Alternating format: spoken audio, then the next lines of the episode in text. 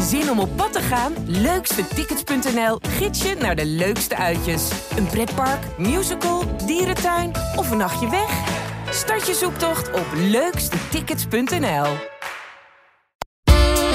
Psychologie, spiritualiteit. Wat doet het met succesvol ondernemen? Maar ook met tegenslagen. In Geloof in je zaak durven ondernemers zich daarom daarover uit te spreken. Met groeiexpert en ondernemer Gerard de Velde als presentator. Kemal Tash, van Ja. harte welkom bij deze podcast. Dankjewel. Je bent hier uh, toegereden in je Porsche Panamera GTS. En ik ben heel benieuwd, krijg je daar nog steeds een eh, ja, kippenvel van als je even het gaspedaal indrukt? Ja, ik, ik heb hiervoor ook een andere Porsche gehad. Dat was een Panamera. En ook een GTS trouwens. En ik moet zeggen dat, dat die veel meer knetterde en, eh, en veel meer eh, lawaai maakte.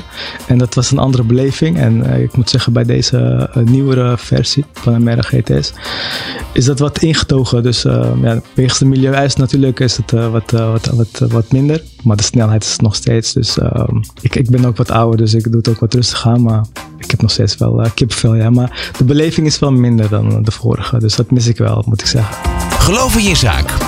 Presentatie Gerard de Velde. Ja, en je zei ingetogen. Dat is ook mijn indruk als ik naar interviews met jou luister. Want je hebt aan de ene kant heel veel succes geboekt, nu al. Je bent uh, eigenlijk nog een jonge ondernemer, zou je kunnen zeggen. Dankjewel.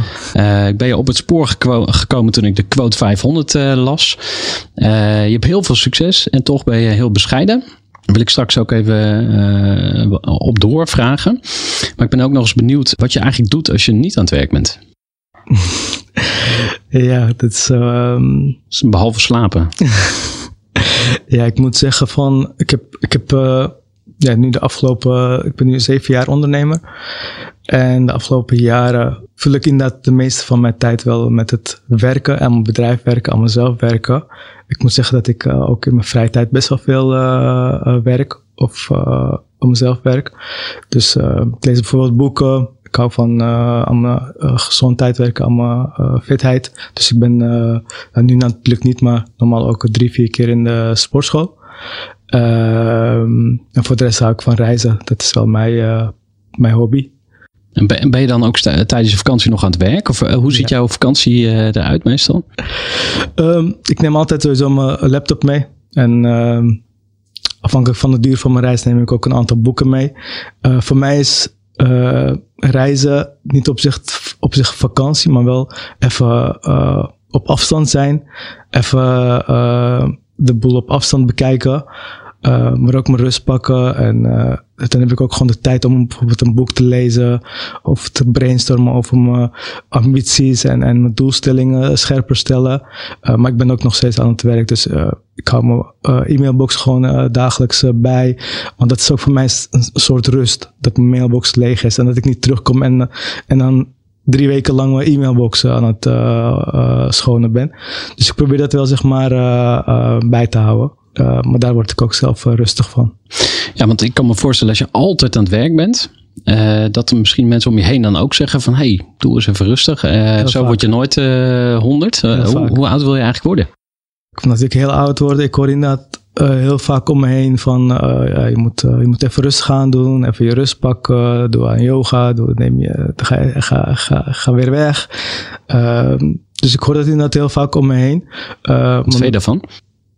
Ja, ik, ik vind het in ieder geval fijn dat mensen om me, om, om me denken en uh, om mijn gezondheid uh, denken, maar om, ook om mijn welzijn.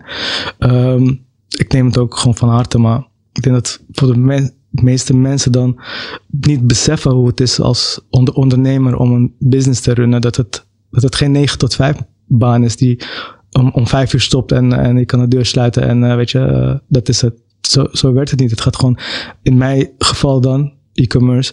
Het gaat 24-7 uh, gaat het gewoon door. Er, is geen, uh, je sluit niet de winkel. De winkel blijft gewoon de hele, uh, hele week open. En ik heb ook natuurlijk ja, nu 50 mannen in dienst. dat is toch wel een verantwoordelijkheid die, die je op je neemt. Dus ja, er is niet echt een knopje die je kan omdraaien en dan zeggen van nee, ik, ik, ik, ik ga even weg. Ik sta uit. Nee. Hey, en heb je dan ook een appje waar je nog steeds live ziet wat er allemaal besteld wordt? En dat signaaltjes binnenkomen? Of? Ja, ik, ik, ik check het natuurlijk minder. Uh, maar ik heb nu dashboards natuurlijk, die ik gewoon uh, dagelijks check van hoe we ervoor staan en uh, of, of de kleurtjes allemaal groen zijn en of de progressie erin zit en of, of, of we goed op weg zijn, dat we niet een grote achterstand of zo hebben. Dus, dus dat, dat check ik wel gewoon regelmatig nog steeds, ja. Ja, het blijft natuurlijk kicken als er een bestelling gedaan wordt. Maar, hoe, hoeveel bestellingen gaan er zo gemiddeld doorheen bij jullie in een week? Uh, in een week. Um, per dag? Ja, per dag hebben we ongeveer 400, 500, 600 uh, orders per dag. Dus uh, maandelijks Vrij ongeveer 10, 11.000 uh, orders. Ja, veel ja. Laten we eens gaan kijken naar jou als, ja, eerst als mens eigenlijk. Hè? Dus, um, want ik vraag mijn gasten ook altijd iets over hun roots te vertellen. Waar kom je vandaan? Kun je iets vertellen over je achtergrond, je vader, je moeder, je familie? Uh, uit wat voor nest kom jij? Jazeker. Mijn ouders zijn in 1973 uh, gekomen als gastarbeider uit Turkije. Dus mijn uh, roots komen uit Turkije. Ik ben zelf wel geboren in Amsterdam. Uh, maar mijn ouders die komen uit, uit het midden van Turkije, Konya. en die zijn hierheen gekomen om, om gewoon te werken aan hun toekomst. Dus gewoon aan de slag te gaan. met het idee om terug te gaan. Uiteindelijk zijn ze wel hier gebleven. Ik heb nog twee broers, die zijn wel daar geboren. maar ik met mijn broertje zijn in, in Amsterdam geboren ik kom niet uit een ondernemende familie of omgeving. Maar mijn ouders zij hebben gewoon uh, ja, keihard eigenlijk gewoon gewerkt uh, als loon, in, in loondienst. Dus we hebben wel gewoon een goede jeugd gehad. Uh, allemaal, we, we hadden niks tekort. We konden gewoon naar school, we hebben gewoon een opleiding gevolgd. En wat, wat waren de belangrijke dingen thuis? Wat, wat waren dingen die ouders, je ouders tegen jullie zeiden? Ja, we hebben wel het geloof meegekregen. Wij zijn islamitisch opgevoed, dus het geloof hebben we heel veel gekregen. Respect aan je medemens. Bidden voor God wat je hebt. Uh, dankbaar zijn voor wat je hebt. Maar gewoon voornamelijk goed omgaan met je, met je medemens. En respect voor je familie, vrienden en je omgeving. Dus dat is wel wat ik vanuit mijn ouders heb meegekregen. Ja, en hebben jullie dat als kinderen ook vastgehouden, zeg maar? Ben je nog steeds gelovig? Ehm, ja, minder maar ik heb in mijn jeugd wel, ben ik bijvoorbeeld naar een weekendschool gegaan waar ik gewoon geloof kon uh, uh, leren en beoefenen. Um, ik vond het toen wel minder, want ja, mijn leeftijdsgenoten die konden voetbal en die konden leuke dingen doen in een weekend en uh, ja, die konden gewoon genieten van hun weekend. En ja, ik moest toen wel naar zo'n weekendschool waar ik mijn geloof moest gaan oefenen en daar had ik toen wel moeite mee. Maar achteraf denk ik van ja, ik heb toch wel mijn geloof toen wel geleerd. En, en, en, en daar ben ik achteraf wel gewoon dankbaar voor. Ja. ja, en ben je dan nu nog steeds praktiserend moslim, eh, als ik het zo mag noemen? Mm. Bidden? Uh, nee, dat zou, dat zou ik wel graag vaker willen doen, of meer, het bidden.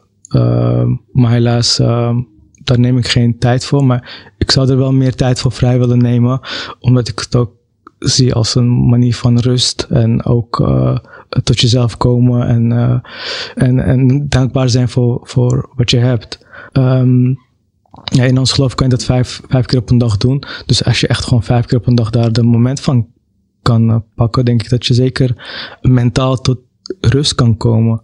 Dus daar ben ik wel van, van overtuigd dat het ook, ja, zowel op het werk als privé, dat het je ook wel uh, iets kan uh, opleveren. Hebben jullie bij uh, Let's Stores ook een gebedsruimte nu?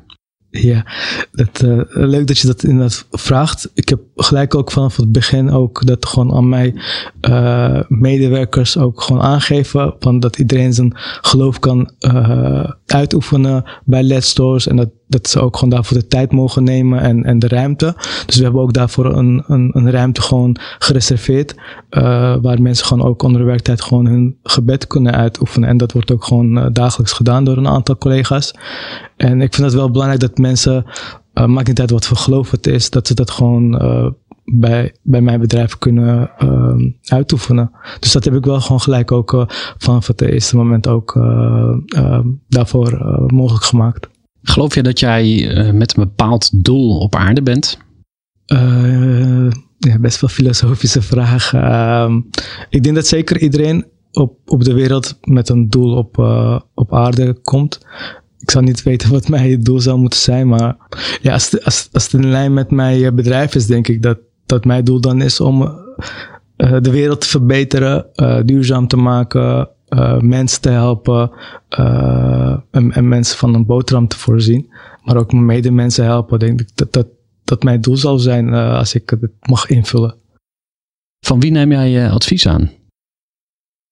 Want je broer die zei bijvoorbeeld, ga, ga dit niet doen. Hè? Dat heb ik natuurlijk in een ander interview gehoord. Die, die raden jou af om aan de slag te gaan met Let's Stores. En dat advies heb je genegeerd, gelukkig. Maar hoe, hoe werkt dat voor jou als mensen om je heen uh, advies geven? En, en, naar wie luister je dan nog? Ja, ik ben wel van nature wel een, uh, een luisterend persoon. Ik, ik luister graag naar anderen omdat ik zelf niet echt een prater ben, dan ben ik uh, beter in het luisteren naar anderen.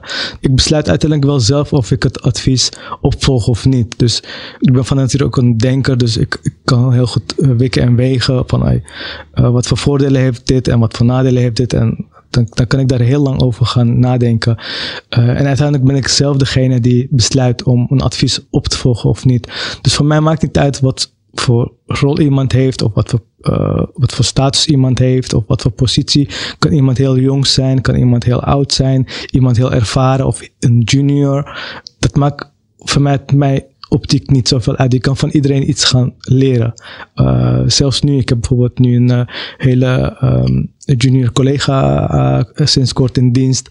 Maar de manier hoe hij in het leven zit en heel positief en echt heel sociaal. Denk van wauw, dit is echt iets waar, waar, ik van op kan steken. En ook wil van leren van hoe hij tegen bepaalde dingen aankijkt. Dus het maakt voor mij niet uit van wat voor leeftijd, wat voor rol iemand heeft. dus ik luister graag, maar het opvolgen daarvan, dat, ja, dat besluit ik zelf uiteindelijk. Ja, je kan zelfs van een kind wat leren. Dus, uh, ik heb een dochtertje van anderhalf en uh, soms dat confronteert ze me nu al, terwijl ze nog niet eens echt kan praten. Ja. Waar was jij als kind al heel goed in? Ik ben samen met mijn broertje dus opgegroeid en mijn broertje was best een, ja, een druk kind. En ik was dan heel erg rustig, dus ik, ik luisterde heel goed naar mijn ouders en ik was heel gehoorzaam. Ik had gewoon heel veel respect voor mijn ouders. Dus ik was ook bezig met dingen lezen en, uh, en, en, en, mezelf ontwikkelen. Dus daar was ik van jongs af aan best wel uh, mee bezig. En ik op school ook van mijn huiswerk doen en uh, goed luisteren naar de leraars. Eigenlijk een hele brave jongen. Als je hele, hele brave jongen, ja, ja, ja, ja. grappig. En als je kijkt waar je nu jouw succes aan te danken hebt, kun je dat ook op een of andere manier terugbrengen naar iets waar je vroeger ook al heel goed in was? succes is natuurlijk een groot woord en uh, het hangt van, van waar je het mee vergelijkt. Um, maar ik was heel goed met bijvoorbeeld uh, cijfers en met uh, wiskunde en, en ik was wel heel, heel, cijfermatig ingericht. Dat, dat zie ik nu ook wel. Ik, ik, hou, ik ben echt een datapersoon. Ik hou van uh, data analyseren en dan kijken hoe de uh, cijfers zich ontwikkelen, hoe de groeipercentages zich vergelijken met voorgaande periodes. Dus dat zie ik wel heel erg terug in mijn huidige rol. Ja, dus dat is ook waar jij goed in bent als ondernemer. Ja. Zijn er nog meer dingen die daar uitspringen voor jou? Waarvan jij zegt, ja, daar ben ik echt heel erg goed in. Ja, ik denk um, risico's nemen. Uh, terwijl ik eigenlijk van nature niet echt een persoon ben die uh, risico's neemt. Ik ben dus wel een denker en ik, ik, ik, ik ga het goed wikken en wegen. Maar alsnog uh, durf ik gewoon nu wat makkelijker die stap te nemen van, nou, we gaan het gewoon doen, weet je. En als het misgaat, dan dan who cares. En vroeger was ik daar wel wat voorzichtiger mee om, om, om die stappen te nemen. Maar meer de tijd vordert en ervaring leert dat je, ja, weet je, bedoel, wat kan er gebeuren als er iets misgaat, weet je, bedoel, who cares. Dus ik zie wel dat ik nu wat, wat, wat vaak risico's neem en dat ook mensen om me heen kijken van, wow, wow zou je dat wel doen? Of, uh, en wat is een voorbeeld van zo'n risico? Ja, bijvoorbeeld een, een, een, hele grote inkoop doen waarvan je niet echt weet of het een succesvolle uh, verkoop kan opleveren. Maar dan, dan ga ik gewoon mijn intuïtie, intuïtie uh, achteraan en dan ga ik gewoon op, basis van mijn uh, onderbuikgevoel gewoon wel die, die besluit nemen. Maar voornamelijk ook met, met, met, de ervaring van vroeger, of tenminste misschien successen van vroeger. Dan, dan, neem, dan kan ik gewoon zo'n beslissing makkelijk nemen.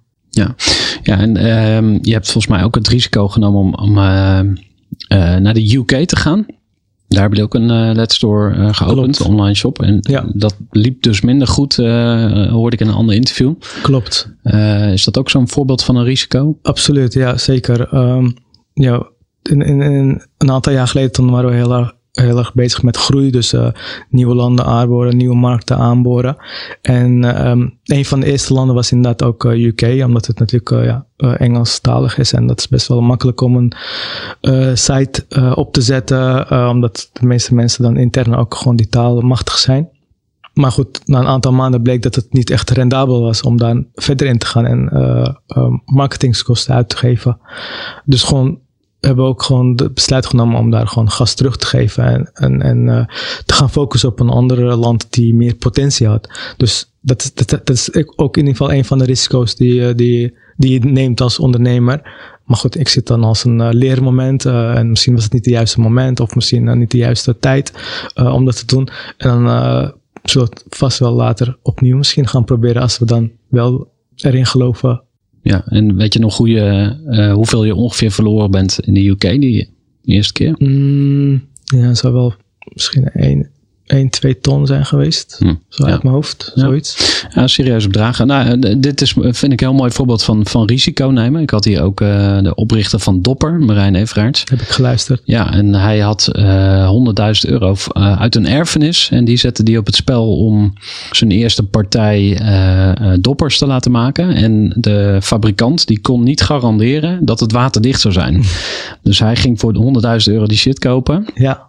Met het risico dat het dus lekkende doppers zou opleveren.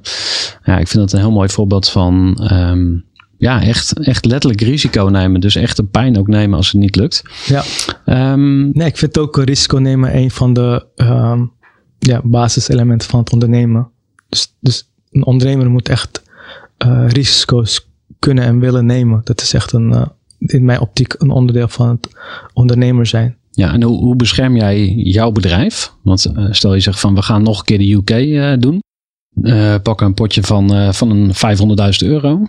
Maar ik kan me ook voorstellen dat je dan die half miljoen hebt uitgegeven. En dan zegt van ja, eigenlijk moeten we nog twee ton of drie ton er tegenaan gooien. En dan nog een keer, nog een keer, nog een keer. Zodat je eigenlijk iedere keer weer extra chips op de tafel legt. Je kan jezelf natuurlijk kapot groeien. Dus hoe, ja. hoe bescherm je eigenlijk je business tegen risico? Um, ja, in dit specifieke geval dan met, uh, met, met nieuwe markten aanboren of in ieder geval innovatieve uh, dingen opzetten.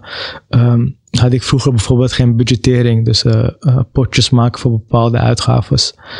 En daar ben ik nu wel veel meer mee bezig. Dus ik, ik, ik heb dan nu ehm, vaste uh, potjes voor bijvoorbeeld mijn operationele kosten, die hou ik gereserveerd voor dat ik de komende maanden wel de business kan blijven runnen. En dan heb ik ook een, bijvoorbeeld een potje voor innovatie en, en vernieuwing en, en, en, en, innovatie en nieuwe markten aanboren. En dat reserveer ik dan ook daarvoor. En ja, als, als het veel meer moet, ja, je kan, kan niet oneindig lang doorgaan, want in mijn geval dan heb ik geen externe lening of een, of een financiering. Dus uh, het eind blijft gewoon wel uh, in zicht. Dus als het geld op is, dan is het ook op. Ja, ja heel slim. Dat geld apart zetten, zeg je dus. Ja. En ja, voor we naar het verhaal van Let's Source gaan, want dat wil ik natuurlijk ook van je mm-hmm. weten. Nog één vraag over jou als ondernemer. Waar moet jij nog in groeien, volgens jou en volgens de mensen om je heen? Ik, uh, ik ben van overtuigd dat ik nog in heel veel dingen moet gaan groeien. Daar ben ik me zeker bewust van. Um, ik denk dat de mensen om me heen zullen zeggen dat ik, dat ik me niet mee moet bemoeien met een, met een taken. Ik ben wel iemand die dan best wel bovenop zit over van alles en nog wat. Omdat ik dan veel ook een mening heb van ja, ik weet het gewoon beter. Geef eens een voorbeeld. Ja, bijvoorbeeld een hele kleine voorbeeld. Bijvoorbeeld een, een e-mail marketing wordt dan gewoon gestuurd. En dan um, en dan hou ik me gewoon bezig met de test-e-mail, maar e-mail die uitgestuurd is. En dan heb ik gewoon een hele lijst met uh, feedback over de e-mail, wat er nog beter kan. Uh, en, ja, ik kan me bij voorstellen dat die, dat, die, dat, die, dat die mensen dat niet altijd fijn vinden, al die kritiek van, van, vanuit mijn kant. Dus ik word ook wel een beetje gezien van, ja, hij is, is nooit tevreden en, uh, en, altijd maar feedback leveren. Dus de mensen om me heen zullen mij ook wel veel eisend gaan, gaan vinden. Dus het micromanagen, daar moet ik wel nog veel aan gaan uh, werken. Uh, maar ik denk dat het ook een wisselwerking is, want het heeft ook te maken met het vertrouwen die iemand geeft. Als ik mensen om me heen heb uh, waarvan ik denk van, wow, die, die, die kan ik die ruimte geven en ik hoef me niet meer zorgen te maken, het komt wel goed. Dan, dan, dan ben ik ook gewoon bereid om die ruimte gewoon te geven. Want dat, zijn, dat gebeurt ook heel vaak. Weet je, ik heb ook wel mensen die, die in het bedrijf die ik dan. Weet ik hoef, ik niet, niet eens te weten wat ze dagelijks, wekelijks, uh, maandelijks aan het doen zijn. Maar ik weet gewoon, het komt gewoon goed. Maar er zijn bepaalde uh, rollen en, en, functies die ik wel, waar ik wel heel veel bovenop nog zit. Omdat ik dat nog best wel moeilijk vind om, om dat helemaal los te laten. Soms heb ik wel het gevoel van, hey, ik ga het helemaal los en, en laat ze mij uitzoeken. maar dan merk ik dat ik na een paar uh, weken, soms maanden wel daarop terugkom van shit, heb ik het losgelaten en kijk wat er is gebeurd. Ik moet het niet loslaten. Ja, heel herkenbaar denk ik voor veel ondernemers, eh, voor mij persoonlijk ook. Um, maar je blijft dus wel dat proberen, zeg maar. Want ja. jij wil vooruit. Dus je, je, blijft al iedere keer opnieuw ja. het uh, proberen ja. over te nee, dragen. Ik bedoel, wat bij één iemand uh, niet, niet zal werken. Of tenminste, dat betekent niet dat ook iemand anders datzelfde uh, ja, misstap of in ieder geval zo gaat zien. Um, dus ik geef, ik geef iedereen wel elke keer een kans in de hoop van dat ze wel mij begrijpen en ook mijn visie en, en waar ik naartoe wil. En, en als ik dat zie, dan laat ik het ook gewoon, uh, gewoon, gewoon los. Dus, um, dus ik, ik, probeer het wel elke keer, want uiteindelijk doe je het met z'n allen samen. Het is een team, uh, teamsport, zo, zo, zo, noem ik het. Uh, dus ik, ik, ik, moet het gewoon met, met een hele team gaan doen. Dus ik moet ze ook wel daarin gaan ondersteunen en coachen. Dus dat is wel mijn, mijn rol. En wat je dus net ook vroeg van, oké, waar moet jij nog jezelf in ontwikkelen? Ik denk dat ik me nog heel veel moet ontwikkelen in het leiderschapstonen. Want ik ben natuurlijk begonnen als ondernemer ik hield wel van handelen, inkoop, verkopen, kansen zien en echt in de operatie uh, zitten. Maar naarmate mijn bedrijf is gegroeid, uh, word ik nu wel gezien als een, als een kapitein, als een leider uh, die het schip gaat, uh, aan het leiden is. Um, en ik was me heel lang niet echt bewust van die rol. Maar naarmate het is gegroeid, denk ik van, wow, iedereen uh, kijk, we kijken het wel zo. En, en, en ik moet zeggen welke richting we opgaan. En, en wat we nu moeten gaan doen. En wat onze strategie is. wat we nu gaan uitvoeren. Ik ben me nu daar wel veel meer mee bezig aan het houden. En mezelf aan het ontwikkelen als leider van de, van de tent. En daar moet ik nog wel heel veel in, in ontwikkelen. Geloof in je zaak. Presentatie Gerard Tevelde. Kemal, zou je iets meer willen vertellen over de beginperiode van Let's Source? Hoe is het allemaal zo gekomen? Ja, absoluut. Um, volg, uh... Het sprookje. Kun je ons meenemen in het sprookje van Let's ja? Ik, ik werkte natuurlijk uh, na mijn uh, afstuderen aan bedrijfskundige informatica bij uh, Fortis, inmiddels ASR-verzekeringen. En ik had toen mijn eerste uh, huis gekocht, appartement uh, in Amsterdam. En natuurlijk bij een nieuw huis hoort het inrichten daarvan. Bij het inrichten daarvan heb ik sfeerverlichting gebruikt in de vorm van ledverlichting. Van mijn keukenkasten en, en, mijn woonkamer. Ik heb dat helemaal een beetje opgepimpt in, ja, met behulp van ledverlichting. En daar natuurlijk hele leuke filmpjes en foto's van gemaakt en dat gedeeld met mijn omgeving, dus familie, vrienden. Hebben um, een inkijk gekregen vanuit mijn uh, woonkamer. En toen kreeg ik heel veel responsen daarop. Van hey, je ziet er leuk uit en uh, waar heb je dat vandaan en hoe, uh, hoe, hoe kom je daaraan? En ehm, en dat soort vragen.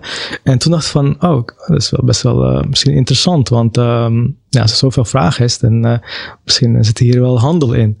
En uh, vanuit mijn opleiding ook had ik wat met e-commerce te maken gehad. En um, ik heb ook tijdens mijn opleiding ook wat webwinkels gebouwd als projecten. En ik geloofde wel in het e-commerce en, en internetwinkelen. Dus toen ik ook in aanraking kwam met een product, dacht ik van, hey, ik ga hier iets mee doen. En um, ik zie niet toevallig een, een vier uur uh, werkwekenboek. En ik las toevallig laatste samenvatting daarvan. En daarin stond bijvoorbeeld, als je een idee hebt of je iets wil uitvoeren, dan hoef je het niet gelijk in één keer uh, groot uit te pakken, maar begin gewoon heel klein. En uh, je hoeft bijvoorbeeld niet voorraad te gaan kopen, maar plaats van advertenties. Ik dacht van, hé, hey, dat heb ik ook gedaan in mijn begintijd. En zo is het ook begonnen. Want ik had toen inderdaad geen producten in, in voorraad. Of ik had geen uh, geen KWK, geen bedrijf opgezet. Maar ik ben gewoon uh, begonnen met het plaatsen van advertenties via Marktplaats. Gewoon uh, online plaatsen. Dus van, van die verlichtingsproducten. Zonder dat ik voorraad had of in ieder geval een business. Puur om te kijken of er markt voor was en hoeveel vragen er was in de markt. En hoeveel, hoeveel reacties op die advertenties zou ik gaan krijgen.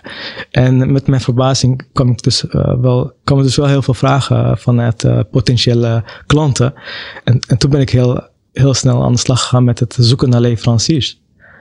en dat was eigenlijk het uh, eerste moment toen, uh, toen Letsource is uh, geboren. Ja, en waar kocht je in? Ik had daarvoor al wat affiniteit met, met op zoek gaan naar leveranciers. ik kende bijvoorbeeld Alibaba en inmiddels AliExpress. en ik vond het altijd interessant om, om op zoek te gaan naar leveranciers wat ze allemaal te bieden hadden. Dus ik ben ook gewoon gelijk als, als, aan de slag gegaan om via Alibaba bijvoorbeeld leveranciers te gaan vinden voor dit voor, de, voor deze producten. Ja, je, kan, je, kon het ook, je kon het ook gewoon doen met op zoek gaan naar leveranciers, bijvoorbeeld in Nederland, van distributiebedrijven. En dan uh, kon ik misschien bestaande merk, merken uh, verkopen. Maar ik vond het interessanter om echt helemaal naar de leveranciers toe te gaan die het produceerden. En toen ben ik dus uh, in aanraking gekomen via de Aziatische markt bij leveranciers. Ja, dus je had al affiniteit met, uh, met e-commerce. Je wist al veel van cijfers. Uh, ik heb gehoord dat je ook op school al wat handeltjes uh, had. gebrande cd's en Klopt. kleding. Ja. Dus dat handelen, dat, dat, dat handels... mentaliteit. mentaliteit zit er ook in. Ja. En dan um, heb je ook nog best wel een tijdje zonder KVK-nummer handel gedreven. Hoe zit Klopt. dat precies? Ja, hoe, hoe, kan dat überhaupt? hoe, hoe, hoe reken je dan af? Ja, natuurlijk. Um, als je via Marktplaats natuurlijk iets start, dan ben je eigenlijk een soort amateurverkoper. En dan is het eigenlijk een soort hobby. Ik zag het ook gewoon als een hobby eigenlijk, want het was niet echt mijn uh, ambitie of doelstelling van ik ga hier iets uh, groots neerzetten met, uh, met een multimiljoen omzet. Weet je, dat was nooit mijn gedachte toen. Dus ik heb er ook nooit bij stilgestaan om bijvoorbeeld een plan te maken of een, of, of een KWK-inschrijving te doen, want dat was eigenlijk puur als hobby bedoeld. En um, ja, na drie maanden kreeg je dus orders en het waren ook meestal consumenten en uh, die vraagden dan ook niet op mijn factuur of, uh, of, uh, of KWK-nummer. Dus je kon ook gewoon zo in een Excel-lijst alles bijhouden, want ik, ik, was natuurlijk wel geïnteresseerd in mijn cijfers, weet je, Hoe, hoeveel orders ik kreeg en hoeveel bestellingen. Dus ik hield het wel allemaal bij en zo nu en dan kwam er wel een, een bedrijf die dan ook een factuur wou hebben en dat maakte ik dan met een ja, een soort Excelletje. Maar ik had toen geen KWK-nummer. Op een gegeven moment werd het wel zo groot en uh, kwamen de orders ook in grote aantallen. En dacht van, hey, ik moet nu wel, denk ik, uh, iets gaan doen. Ja, want mensen konden het ook bij jou thuis ophalen, geloof ik. Klopt. Ja. Ja, ik ben natuurlijk gewoon vanuit mijn uh, zolderkamer, gewoon kleine, kleine kamer begonnen. Had ik uh, omgetoverd in een, in een soort kleine magazijn, 10 vierkante meter. Wat ja, wat gamma-stellingen neergezet met de bakjes en, uh, en een bureau, computertje. Ik had een vriend gevraagd die op dat moment uh, niet aan het werk was van uh, kom even helpen, want ik had natuurlijk gewoon een fulltime baan. En toen heb ik gewoon mijn huis een beetje omgetoverd in een mini-magazijn slash kantoor. En zo nu en dan wouden mensen gewoon ook langskomen om de producten te, af te halen. En ja, ik, vond het ook geen probleem. Dus kon, ze konden ook gewoon bij mij thuis langskomen. En op een gegeven moment werd mijn huis zo helemaal vol met dozen uit, uh, uit China. En ik moest ook natuurlijk gaan sjouwen naar de tweede verdieping. En ik vond het op een gegeven moment ook niet zo fijn dat mensen langskwamen. Want ja, het is toch maar privé. Um, maar zo is het wel, uh, wel gestart. Ja, en hoe heet jouw eerste medewerker? Ramazan. Oké, okay. en wat voor mensen heb je daarna allemaal aangenomen? Ja, de eerste vijf medewerkers waren echt wel mensen om me heen. Weet je, via, via, via vrienden. Van, hey, kennen jullie nog iemand? En uh, als ik, als ik wist dat iemand op dat moment niet aan het werk was, uh, vroeg ik die gewoon. Dus de eerste vijf mensen kwamen ook allemaal uh, uh, in mijn omgeving vandaan. En op een gegeven moment, ja, houdt dat wel op. Ja, dan, dan ga je gewoon een advertentie plaatsen via bijvoorbeeld Indeed of andere vacature websites om, om, om meer medewerkers aan te trekken. Ja, en wist je iets van HR op dat moment? Of hoe, nee, hoe, bepaal, hoe, bepaalde je het salaris? Had je functieomschrijvingen? Hoe, uh, nee, wat, ik, wat ik dan deed is, ik keek bijvoorbeeld uh, bij andere webwinkels of andere uh, bedrijven. En toen ging ik gewoon kijken naar hun vacatures. En toen kreeg ik een beetje een idee van hoe hun organisatie eruit zag. Wat voor medewerkers ze hadden. Bijvoorbeeld een magazijnmedewerker of een klantservice medewerker of een inkoper. En op die manier kreeg ik wel een beetje in de gaten hoe een webwinkelorganisatie eruit zag en wat voor rollen erbij hoorden, wat de salarisschalen waren en, en, het niveau. En op die manier ging ik het zelf een beetje invullen. Ja, hey, en uh, die beginperiode van je ondernemerschap, had je ook gewoon een fulltime baan? Klopt. Ik heb de eerste drie jaar um, heb ik dus um, mijn eigen bedrijf als hobby of project erbij gehad. En ik had dus ook gewoon een fulltime baan waar ik gewoon echt uh, op kantoor moest komen. Je had geen uh, corona toen dat je gewoon de hele week vanuit huis kon werken. Nee, je moest echt op kantoor komen. Uh, en in de avonduren en de weekenden ging ik gewoon aan mijn bedrijf werken. Dus ik had echt, echt een, eigenlijk twee fulltime, uh, fulltime jobs. Je begon met 10, meter, of, 10 vierkante meter opslag. Hoeveel heb je nu? We hebben inmiddels 2500 vierkante meter. En we zijn nu met de buren aan het overleggen of we nog 750 vierkante meter van hun uh, kunnen gebruiken. Dus 2500 plus vierkante meter op dit moment. Hoeveel medewerkers? Toen ik vanmorgen keek waren het 52. Hoeveel landen? Uit mijn hoofd 11 of 13. Ik weet, ik weet niet precies het aantal, maar... Hoeveel omzet? We hebben afgelopen jaar afgerond met 15, 15 miljoen. Hoeveel winst? Ik denk dat uh, ongeveer 10, 10% daarvan minstens 10, 15 indrukwekkende getallen. Uh, ik denk dat heel veel mensen dromen van een handeltje wat begint op marktplaats. En dan aanslaat en groot wordt. Um, hoe, hoe kan dat nou dat het jou gelukt is? Want er zijn volgens mij heel veel mensen die het niet lukt. Ja, ik denk gewoon keihard werken. Ik heb gewoon wel uh, ja, mijn tijd hieraan besteed. Uh, die ik ook anders kon besteden. En dan weet je ook natuurlijk op de juiste momenten instappen in, een, het juiste product. Dus ik had daar wel gevoel voor om, om te zien van oh, dit is misschien wel een interessant uh, marktproduct. En ik neem de risico's om gewoon hier, hier uh, wat mee te doen. Maar ik denk dat het allerbelangrijkste is gewoon keihard werken. Uh, Oké, okay, helder. En, en, wat maakt dat product zo interessant? Is dat dan die marge die erop zit? Of nou, het is, het is, een duurzaam product. Natuurlijk is iedereen tegenwoordig met, uh, met zijn omgeving bezig, met het milieu, met de wereld, duurzaam. Dat is een hot topic natuurlijk maar de reden dat, dat ik mee begonnen was niet het duurzaam, maar het, de fun factor van, die verlichting die ik dan in het begin verkocht. Dat was meer sfeerverlichting met leuke kleurtjes en, en, en, gadgets en dat soort dingen. En op een gegeven moment is dat wel meer gaan leiden naar een duurzaam product, dus uh, voor, de, voor de lange termijn. Maar, maar dat is wel de reden dat het wel een, een product is voor de lange termijn. Dus niet een, uh, een one-day uh, fly, laat ik zo zeggen. Ja.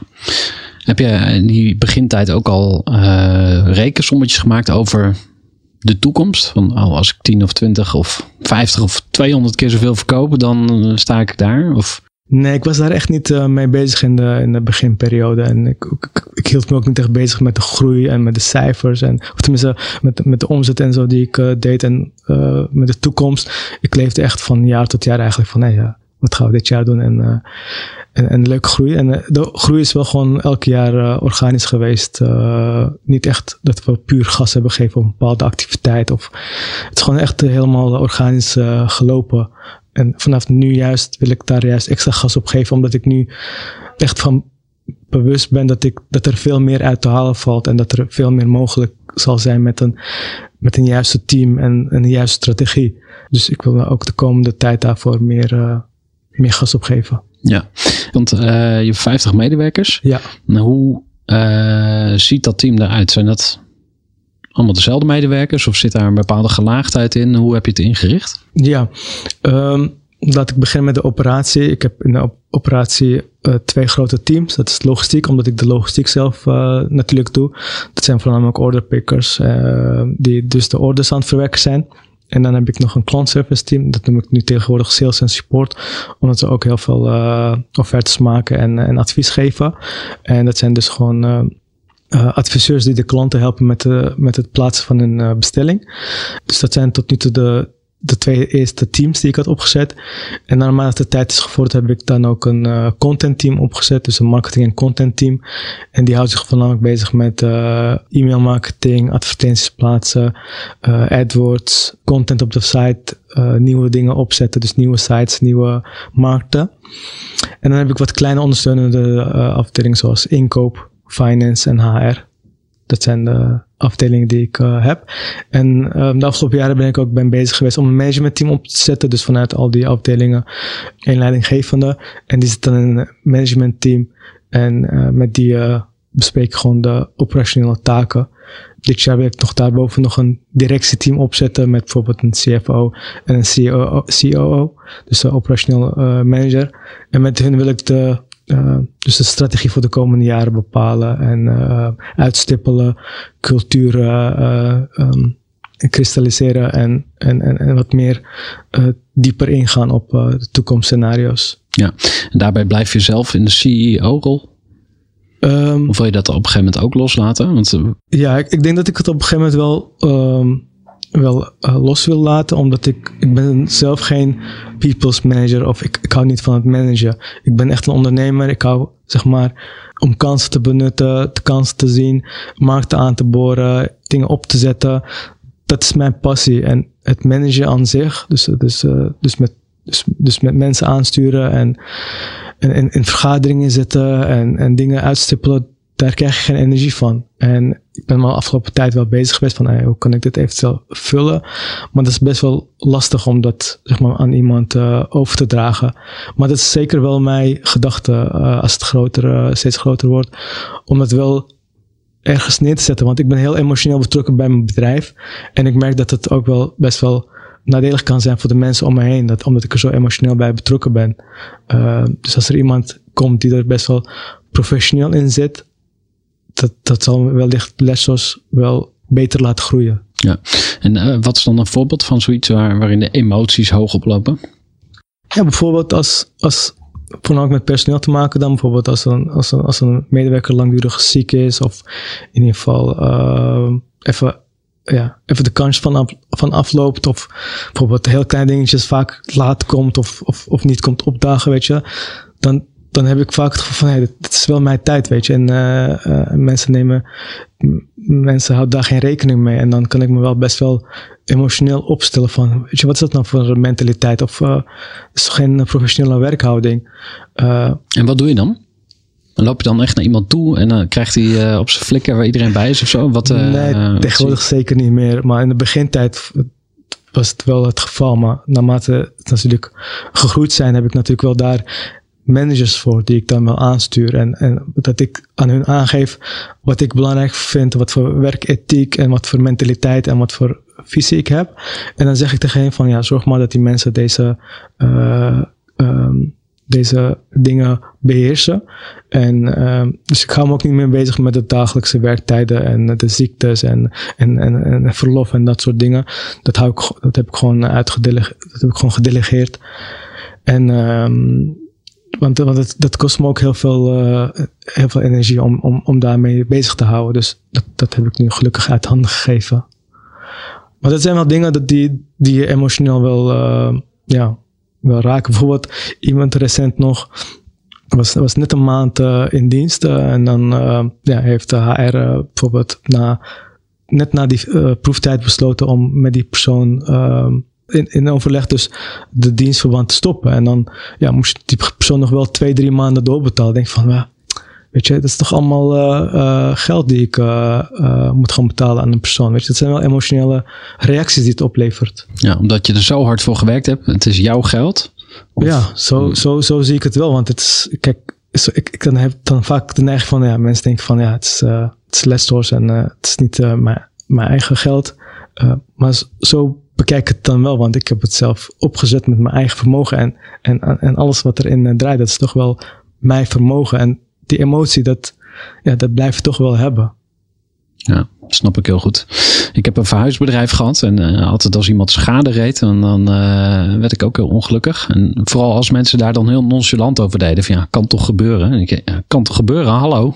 Je hebt het over mijn geld. Ja. Dus en ja, het gaat echt niet alleen om geld, maar nee. het is ook gewoon een bepaalde standaard of zo. Klopt. Dus dat, dat zie ik bij jou heel erg terug. Je legt de lat heel hoog voor jezelf, maar ja. dus ook voor anderen.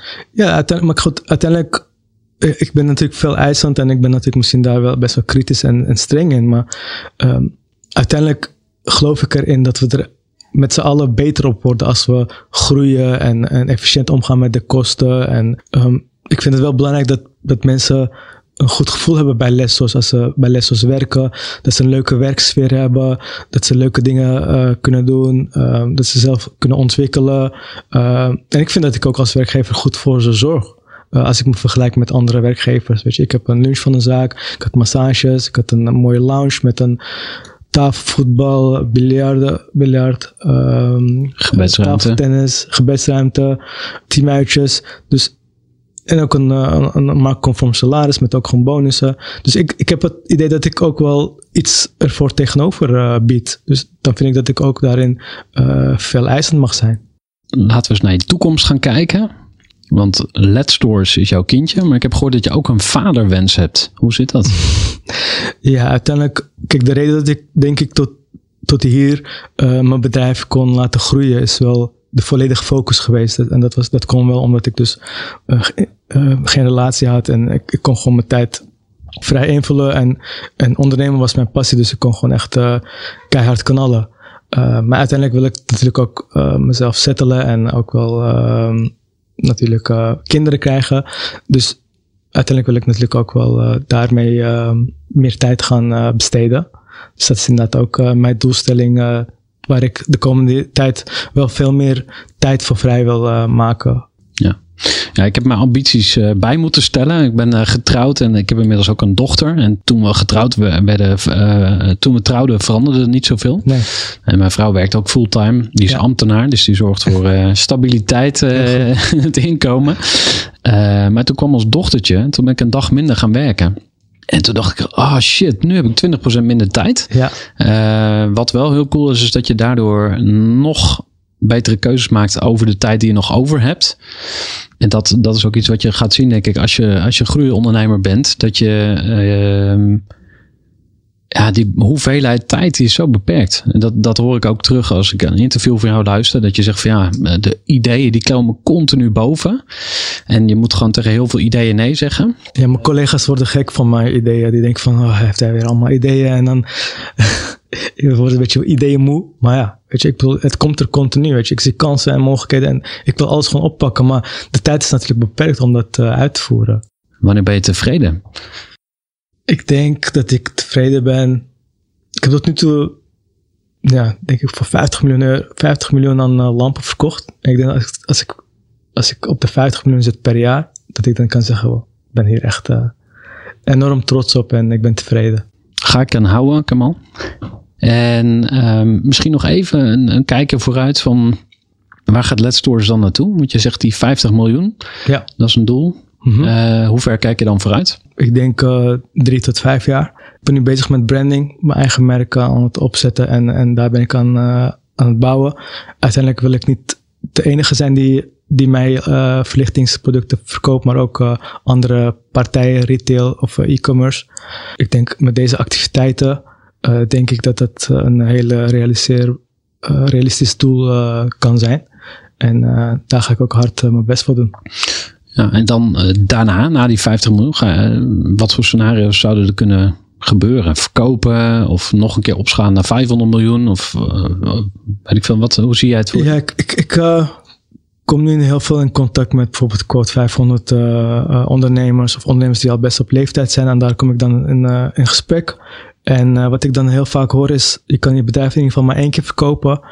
En heb je een hele zak met geld en dan. Weet je, ik bedoel, die, die mensen hebben nog steeds heel veel ambities en, en, en, en passie om nog steeds te blijven ondernemen. En daar krijgen ze heel veel uh, uh, energie van. En ik denk dat ik ook hetzelfde ervaar. En mijn exit-strategie staat er nog niet, maar ik, ik denk dat ik gewoon ook gewoon zo wil door blijven gaan. Want ik krijg hier heel veel energie van, heel veel passie. En wellicht een samenwerking met andere bedrijven of dingen, maar verkopen staat nog niet op mijn uh, lijst. Wie zou je uh, zelf graag interviewen? Als je een um, podcast zou hebben. Ik zou heel graag Attila Oesto willen ondernemen van Corendon. Dat is voor mij ook een uh, uh, voorbeeldondernemer die vanuit het niets een, een, een tour operator, een, een maatschappij heeft opgezet en dan best wel van, van, van proporties. En daar heb ik enorm diep respect voor. En dat zie ik als voorbeeld. Dus hij zou een van de um, ja, gasten kunnen zijn die ik wel zou interviewen. En ik denk oh, in mijn branche, uh, Pieter Zwart, uh, dat is voor mij ook een voorbeeld geweest toen ik net begon met het opzetten van mijn webwinkels en het opzetten van assortiment. Uh, heb ik altijd al tegenop gekeken en nog steeds van hoe zij dingen opzetten en aanpakken. En dat vind ik wel een voorbeeld. Deze twee ondernemers zijn voor mij echt inspiratiebronnen. Mooi. We gaan uh, afronden met een uh, wens. En eigenlijk twee wensen. En de eerste vraag is: wat wens jij jezelf toe? Ik vind het belangrijkste dat ik uh, gelukkig ben en gezond. Dus dat zijn voor mij de twee belangrijkste wensen. Dat ik uh, gezond blijf en gelukkig ben. En wat wens jij uh, alle ondernemers van Nederland toe? Ik wens alle ondernemers uh, groeiambitie toe. Want um, als je geen ambitie hebt om te groeien, dan, dan zal je ook niet groeien. Dus die wil, die ambitie om te groeien, die, die moet echt aanwezig zijn. Ik, ik, ga wel eens op bezoek bij NL Groeit. Dat is een onderneming waar heel veel groeiondernemers in zitten. Ben ik ook mentor van een mentee. En daar was inderdaad gezegd van, waarom groeien bedrijven? Omdat ze willen groeien. Dus ik, ik wens echt alle ondernemers de ambitie om te groeien. Dankjewel, uh, Kemal. Ik vond het een bijzonder gesprek.